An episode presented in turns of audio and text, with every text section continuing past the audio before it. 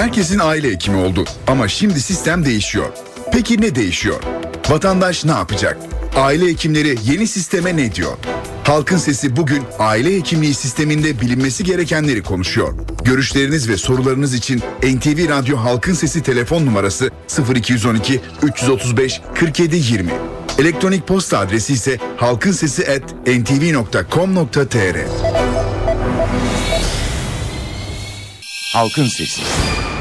NTV Radyo İstanbul stüdyolarındayız efendim. Halkın sesiyle bir kez daha sizlerle birlikteyiz. Aile hekimliğini konuşacağız bugün. Aslında yeni bir konu değil ama aile hekimliğinde bir takım düzenlemelere gidilmesi isteniyor. Aile hekimliği baktığınız zaman birinci basamak sağlık hizmetlerinin yerine konulmuş olan sağlık ocaklarının yerine konulmuş olan bir sistem. Ee, doğru da e, 4-5 senedir doğru da işlediği söyleniyordu. Epey de bir yol aldı ama şikayeti olanlar var. Sadece vatandaşın şikayeti değil bu aile hekimleri tarafından da sistemin işlemesiyle ilgili bir takım şikayetler var. Biraz önce NTV sorunda da bunları dile getirdik. E, Sayın ikinci de yanıtlarını verdi. Şimdi başka bir açıdan bakalım. Türkiye Aile Hekimliği Uzmanlık Derneği Başkan Yardımcısı Doktor Refik İmamecioğlu ile birlikteyiz.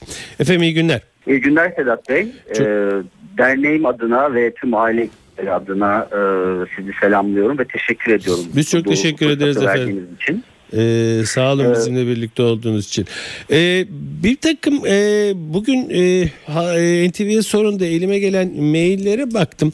E, evet e, halktan da gerçekten epey bir soru var ama neredeyse yarıya yakını da e, aile hekimi arkadaşlarından geldi. E, bu da sanki aile hekimlerinin de e, biraz rahatsızlıkları varmış gibi e, bir kanıya kapıldım. Haksız mıyım ne dersiniz efendim? Yo, çok haklısınız. Algınız çok doğru. Ee, sistem e, sorunları olan bir sistem. Ee, giderek gelişme ve daha iyi olma yolunda bir niyetle e, üzerinde uğraşılan bir sistem olmakla birlikte pek çok makro ve mikro düzeyde e, sorun da e, içermekte ve bunun sıkıntısını tabii ki e, neredeyse tüm yükü omuzlarında taşımakta olan aile hekimi arkadaşlarımız hissetmekteler ve oldukça eğitimli ve e, duyarlı bir grup olduğu için de e, bu tür e, medya e, faaliyetlerini iyi izlemekte ve tepki vermekteler ama algınız doğrudur. Ee, peki o zaman e, isterseniz e, aile hekimliğinin e, yanılıyor mu 2005 2000 ne zaman tam yürürlüğe girdiğini e, çıkaramıyorum ama o dönemden bu zamana kadar yani olumlu yanları ne oldu? Sizce aksiyan yanları ne oldu? Çözüm önerileriniz nelerdir? Böyle devam edelim mi? E, tabii bu bir yol ama çok genel e, bir giriş olur. Hani belki az önceki e, televizyonla ortak süren yayın Randevu e, sisteminden diyorsunuz. Evet yani Olur. oradan da başlayabiliriz. Hay hay, ben buyurun. genel bir yaklaşımda Olur sunabilirim. olur hay hay. Ee, ortak e, yayın esnasında Sayın e, Başkan'ın e, yeni diye ifade ettikleri açıklamayı e, biz de dinlemiş e, olduk. Tabii e, burada hedeflenen şey e, sağlık hizmetinin randevu sistemi paralelinde Hı hı. e, sürdürülmesi ve bekleme sürelerinin azaltılması. Tabii ülkemizde şu an sağlık hizmetinin yürütüldüğü iki ana grup bir birinci basamak yani aile hekimliği birimleri e, diğeri de hastanecilik sistemi içerisinde sağlık hizmeti üreten yapılar. E, Sayın ikincinin ifade ettiği e, randevular hastanecilik e, sisteminin randevuları idi. Ülkemizde e, ki mevzuat aile hekimlerinin de birinci basamakta randevulu çalışmasına müsaade eder tarzda hazırlanmış bir e, mevzuattır. Hı hı. Fakat uygulamada yüksek oranda randevu ile hasta kabul eden aile hekimi görmüyoruz. Bunun da birinci nedeni aile hekimlerinin iş yüklerinin zaten çok fazla olması ve bir günde çok fazla ve sürpriz hasta kabul etme zorunda olmaları. Yani çok pratik bir zaman planlamasına gidemiyor olmalarıdır. Ee, tabii bu uygulamada anladığımız kadarıyla e, hastaların sevki veya konsültasyonu gerektiğinde e, ülkemizde de sevk zinciri uygulaması yok. Yani hasta gideceği ikinci, üçüncü e, basamak sağlık kuruluşunu seçmekte özgür. İstediği kuruma başvurabiliyor. Dolayısıyla e, aile hekimleri e, konsülte etmek istedikleri e, hastayı e, sağlık hizmetinin sonraki aşamalarında izlemekte de zorluk e, çekmekteler. E, bu randevu e, sistemi ile e, hastanın telefon yoluyla kolayca ki bunu Sağlık Bakanlığı çok önceden kolaylaştırdı hastanelerin randevu sistemlerini. E, bu işi de hastadan alıp aile hekimine, aile hekiminin işhanesine ya da aile hekiminden talep edilecek işler listesine hasta tarafından eklemekte. Tabii bunun bir kısım olumlu yanları olduğu gibi olumsuz yanlarına da değinmemiz gerekir. Hı hı. Ee, tabii aile hekimliği e, önemli bir tıp disiplini ve bizim savunduğumuz bir biyopsikososyal yaklaşım var hastaya karşı bütüncül bir yaklaşım. Dolayısıyla ideal olan tabii ki budur. Bir aile hekimi hastasını konsülte etmek istediğinde ilgili uzmanlığı sağlık e, polikliniğine randevusunu alıp gönderebilir. Oradan geri bildirim alarak hastanın e, takibini sürdürmek ister. Ama tabii ülke koşullarında e, tüm seviyelerde hekim sayısı az, hasta sayısı çok fazla. E, özellikle aile hekimliği içinse sistem değişikliği sonrasında boşta kalan pek çok görevin tümünün aile hekimlerinin omuzlarına yüklenmiş olması neticesinde oldukça artmış bir iş yükü e, aile hekimlerinin oldukça e, sıkıntıya sokabilir. Bu bir risk. Ama bunu uygulama başladıktan sonra göreceğiz. Tabii hmm. aile hekimlerinin merkezi yönetime karşı bir iş akitleri var. Verilen görevleri yapmakla yükümlüler ve e, bunları da yapıyoruz. Ama e, tabii arzu edilen daha ideal koşullarda çalışabilmek ve daha iyi sağlık hizmeti üretebilmek. Tabii ki randevu sistemi bir e, hizmet kalitesi göstergesi sayılabilir ama randevu almanın kolaylaştırılması, hasta adına kolaylaştırılması e, daha çok hasta memnuniyeti açısından e, olumlu hı hı. dönüş sağlayacaktır diye düşünüyorum. E, sağlık hizmet kalitesini e, daha iyi değerlendirmenin yolu sağlık çıktılarını, kişinin sağlıklılık durumunu değerlendirme üzerinden olmalıdır. Tabii hasta memnuniyeti kadar e, iç müşteri memnuniyeti yani çalışan aile sağlık elemanı olsun, aile hekimi olsun çalışan memnuniyeti de önemlidir. Tabii burada önemli bir eksik olarak e, gelindiği noktada aile hekimlerinin bir iş sağlıklı bir iş analizinin yani iş tanımları e, kabardıkça e, çalışma sürelerinin buna ne kadar yetip yetmediğinin, hangi görevin ne kadar zaman gerektirdiğini doğru bir analizinin e, halen yapılmamış olması e, ona da işaret etmek isterim. Anlıyorum efendim. Ee, bir anlamda yine aile hekimlerinin maddi bir takım konularda da şikayetleri vardı bugün maillerde. Buna değinmek ister misiniz? Ee, ortam Şimdi yine bu randevu hı hı. buyurun. Yo, yo, randevu meselesinden hareketle hı hı. E, bakarsak bu bir iş değil mi? Yani siz hastayı kabul ettiniz, gördünüz bir e, hastane koşullarında değerlendirilmesi gerekiyor. Bu sadece hekim e, uzman hekim ilgili uzmanlık dalının gör, görüşü değil bir tetkik olabilir vesaire. Bunu da o uzman arkadaşın isteyecektir gibi düşünelim.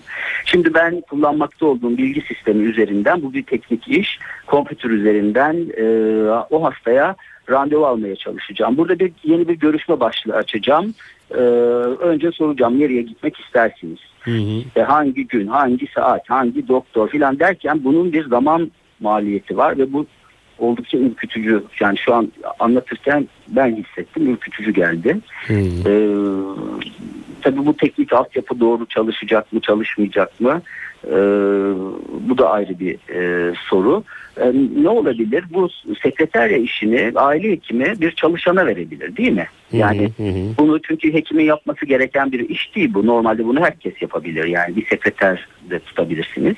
Evet sistem buna izin veriyor. Yani aile hekimleri birimlerinde aile hekimleri onlara sağlanan e, giderlere dair e, bir gelir kaleminden kişi çalıştırabilirler. E, nitekim temizlik hizmeti alıyoruz, güvenlik hizmeti alıyoruz e, ve bütün bunlar bir küçük işletme teşekkür ediyor. Yani eski sağlık ocağı dönemindeki çalışan bir hekimle bugünkü sistemde aile hekiminin işleri çok farklı. Çünkü burada bir e, işletme işletiyorsunuz ve hekimler bu konuda hazır e, meslek grupları değiller. Ve gelirleri de e, mali müşaviri, o su bu su sigortasının takibi vesaire gibi e, pek çok yükü e, gönüllerince karşılayacak düzeyde değil. Dolayısıyla sadece randevu için bir e, sekreter tutmaktan kaçınıp bu işi yine mevcut insan e, güçleriyle e, yüklenmeye çalışacaklardır. Buradan hareketle bu maddi ve işletme sorunlarına da bir paralellik kurmuş olabilir. Sizin sorulardan algıladığınız şekilde. Hı hı. E, bu paralelde pek çok e, sıkıntı yaşadığı doğru aile hekimlerinin. Peki e, anladığım kadarıyla bu sistem gerçi daha tasarı e, vaziyetinde yapılsın mı yapılmasın mı düşünülüyor, e, hayata geçirilmek isteniyor ama aile hekimleri tarafından e, bu randevu sistemi ciddi tepkiyle karşılaşacak gibi ne dersiniz? Ben hani aile hekim sisteminde randevu da sağlayarak hastanın hastaneye gönderilmesinden hani rahatsız değilim. Bu işin ideali olarak kabul edilebilir. Hı. Batıdaki örneklerde de bunu görüyoruz. Ben buna karşıyım bu olmasın diyor değilim ama nasıl her uygulamada önce bir mevcut hani bir fizibilite mevcut koşullarda bu ne olur bunun maliyetleri ne olur bir değerlendirmek gerekir. Bu açıdan e, hassasiyetle değerlendirilmiştir ve işleyebilir görülmüştür diye umut etmek istiyorum. E, ama ideal koşullarda bizler de, medeni ülkelerde 1500 nüfustan sorumluyken aile hekimleri ülkemizde bu rakam 4000'leri bulmakta hatta aşabilmekte. Dolayısıyla e, iş yükü fazla. E, bir de sağlık ocağı sisteminden e, kişi bazlı aile hekimliği sistemine geçildiği durumda açığa çıkan, boşta kalan eski geleneğin devamını arzu ettiği pek çok vazife, e, toplum sağlığı merkezleri kapasiteleri yeterince fonksiyonel hal kazanamadığından, her şey aile hekimlerinden talep edildiğinden bir yüksek iş yükü ve zaman sıkıntısı var. Dolayısıyla tek kaygım o yönde. Yani bu bir aile hekiminin bir yandan kronik hastalıklarla ilgili geri bildirim formlarını doldurup bir yandan hastaya görüp muayene edip yani teda bir hekim tedavi edici e, fonksiyonu ve birinci basamak için koruyucu sağlık hizmetleri yani aşıdır, gebe takibidir vesaire dışında e, bu diğer söz ettiğim e, yüklere çok daha fazla vakit ayırmak zorunda kalmakta. E, ve bu da e, tüketici olabilmektedir aile hekimlerinin e, durumu açısından. E, sanıyor, bu yanlış bir uygulamadır demiyorum. E, sanıyorum e, aile hekimleri e, öyle anlaşılıyor ki yanlarında bir kişi istihdam etmek zorunda kalacaklar. Çünkü tam bu bir sekreteryalık iş gibi gözüküyor. E, dediğiniz gibi orada hasta beklerken veya e, hastayla ilgilenmesi veya e, daha önemli geri bildirimleri yazması gerekirken veya takip etmesi gerekirken e, bununla uğraşmaya çok da vakit bulamayacak gibi geliyor aile hekimleri diyorsunuz. Evet Sedat Bey. Kabaca evet. Peki. Ee, son dakikalar reklam öncesinde aslında bir iki dakikamız daha var. Aile hekimlerin sorunları ile ilgili dillendirmek istediğiniz bir şey var mıdır efendim? Bir şeye değinmek isterim. Tabii aile ki. hekimleri uzmanlarının sözü geçti. Biz de e, Aile Hekimleri Uzmanlık Derneği.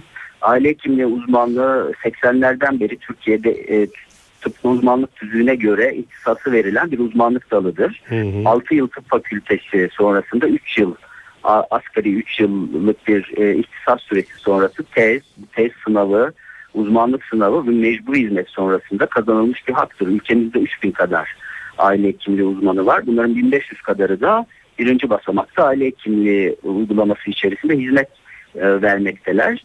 E, ülkemizdeki hekim ya da uzman sayısı e, yetersizliği sebebiyle e, sistem başlarken pratisyen arkadaşlarımızla birlikte Evet. Hep birlikte yola çıkıldı ve onların hizmet içi eğitimleri de devam ediyor. Ama ülkemizde 50 kadar 50 küsür kadar tıp fakültesi bünyesinde aile hekimliği uzmanlığı eğitimi veren ana dallarımız mevcuttur.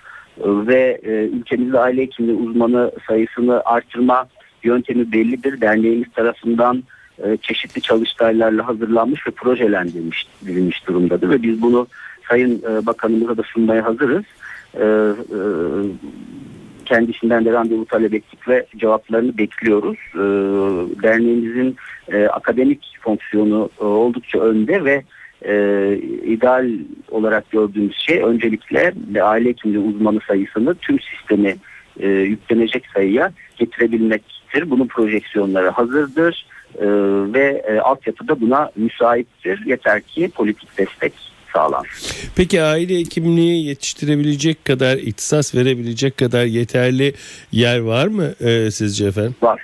var. Doğru var. Peki. Yani 20 küsur profesörü 50 civarında doçentiyle belki de geçmiş oldu özür dilerim yanlış rakam verdiysem ee, ama 50 civarında hem eğitim araştırma hastaneleri bünyesinde hem de üniversite üniversiteler bünyesindeki tıp fakültelerinde ana bilim dallarımız mevcut. Bizler de oralardan yetiştik. Ne güzel. Peki e, çok teşekkür ediyorum efendim bu uzunca zamanı bize ayırdığınız için sağ olun. Rica ederim bu şans için e, biz teşekkür ederiz. İyi yayınlar diliyorum. Çok teşekkür ediyorum efendim. Evet Türkiye Aile Hekimleri Uzmanlık Derneği Başkan Yardımcısı Doktor Refik İmamecioğlu ile birlikteydik. Halkın Sesi. NTV Radyo İstanbul stüdyolarındayız efendim. Halkın sesine devam ediyoruz. Ee, aile hekimliğini konuşuyoruz. Aile hekimliğini tüm yanıyla artık izleyicilerin görüşlerini açıyoruz. Aile hekimliği konusunda şikayetleriniz var mı? Aile hekiminizle e, aile hekiminizi tanıyor musunuz daha doğrusu? Hiç aile hekiminize gittiniz mi? Gittiyseniz aksayan yönleri neler, iyi yönleri neler?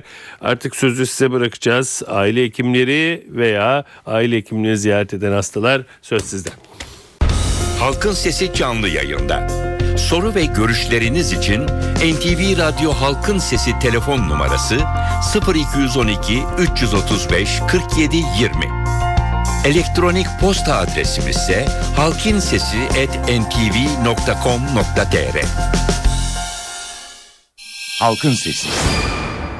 Evet e, herkes aile hekiminden aile hekimleri de hastalarından ve de sistemden son derece memnun olsa gerek kimse e, aile hekimliği hakkında pek bir şey söylemek istemiyor dediysem de epey söylemek isteyen varmış birdenbire altı at birden çalmaya başladı hay Allah. Alo Alo iyi, iyi günler. Doktor İyi günler. Ozan ben genel Buyurun efendim.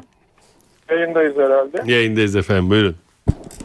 Ben Türkiye'nin sağlık sistemini otoyollara benzetiyorum. İstanbul'un trafik problemine benzetiyorum. İstanbul'da siz metro yapmadığınız sürece İstanbul'daki hiçbir şekildeki trafik problemini çözemezsiniz. Çünkü insanlar araba alıp yola çıkmaya devam ettikleri sürece bu yollarda bu trafik olacak. İnsanları buradan örneklemeyle şuna gidilir.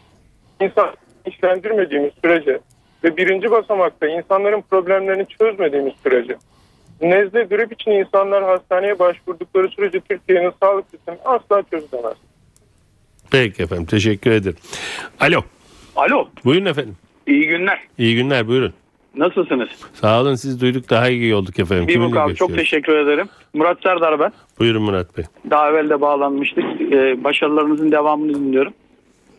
Buyurun. Ee, aile e, hekimliği uygulamasından vatandaş olarak ben gayet memnunum. Hı hı. Ee, yapılan çalışmaları e, bundan sonraki bu mevzuatta bazı değişiklikler oldu. Ee, başarılı çok başarılı buluyorum. Vatandaş olarak çok memnunum. Yapandan hizmeti geçene de teşekkür ediyorum. Allah razı olsun diyorum Nihat Bey. İyi günler diliyorum. Peki efendim iyi günler. Alo Alo buyurun efendim. merhabalar kolay gelsin. Sağ olun. Biz bu aile hekimliği için aramıştım ama ben Kiminle görüşüyoruz efendim? Can Yılmaz. Buyurun efendim dinliyoruz sizi. Valla bu tarz olarak doğru bir uygulama ama bence e, ekipman eksiklikleri var. Ben birkaç kez gittim. Ailemle de gittim. Hı hı. Pratik e, şey almak noktasında iyi. Tedavi başlangıcının ne olduğu, teşhisin ne olduğu ama teşhisin ne olduğunun detayına inmek noktasında alet, ekipman, e, araç gereç sıkıntıları mevcut. Belki bunlar eğer değiştirilip e, Avrupa'daki gibi oradaki kadar olmasa da ona yakın bir takım teçhizatlar, takım makineler tekrardan e, güncellenirse belki çok daha faydalı bir sistem olabilir diye düşünüyorum. Hı hı. Peki efendim çok teşekkür ediyorum. Alo. Alo. Buyurun efendim. Efendim e, Sedat Bey merhaba ben Nurettin Deliktaş Ankara'dan arıyorum. Buyurun öğrettim Bey.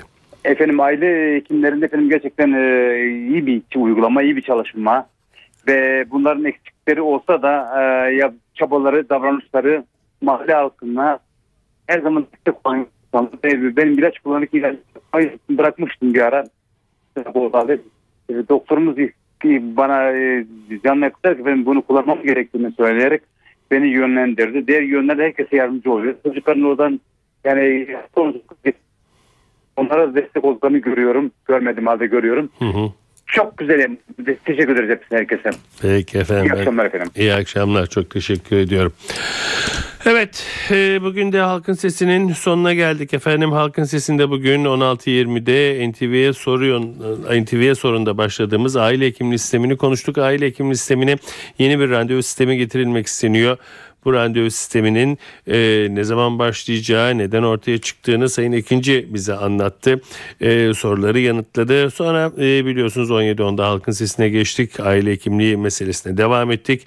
E, Türkiye Aile Hekimliği Uzmanlık Derneği Başkan Yardımcısı Doktor Refik İmamecioğlu bizimle birlikte oldu ve bu konuda e, aile hekimlerinin sorunlarını bizimle paylaştı. Son bölümde de az da olsa sizin de bu konuda ne düşündüğünüzü öğrenebilme şansına eriştik. Evet doğanın dengesi yerinde oldukça ırmaklar yolunda aktıkça yarın halkın sesinde yine sizinle birlikte olmayı diliyoruz. Yapımda ve yayında emeği geçen tüm NTV Radyo ekibi adına ben Sedat Küçükay. Saygılar sunarım efendim. Halkın Sesi.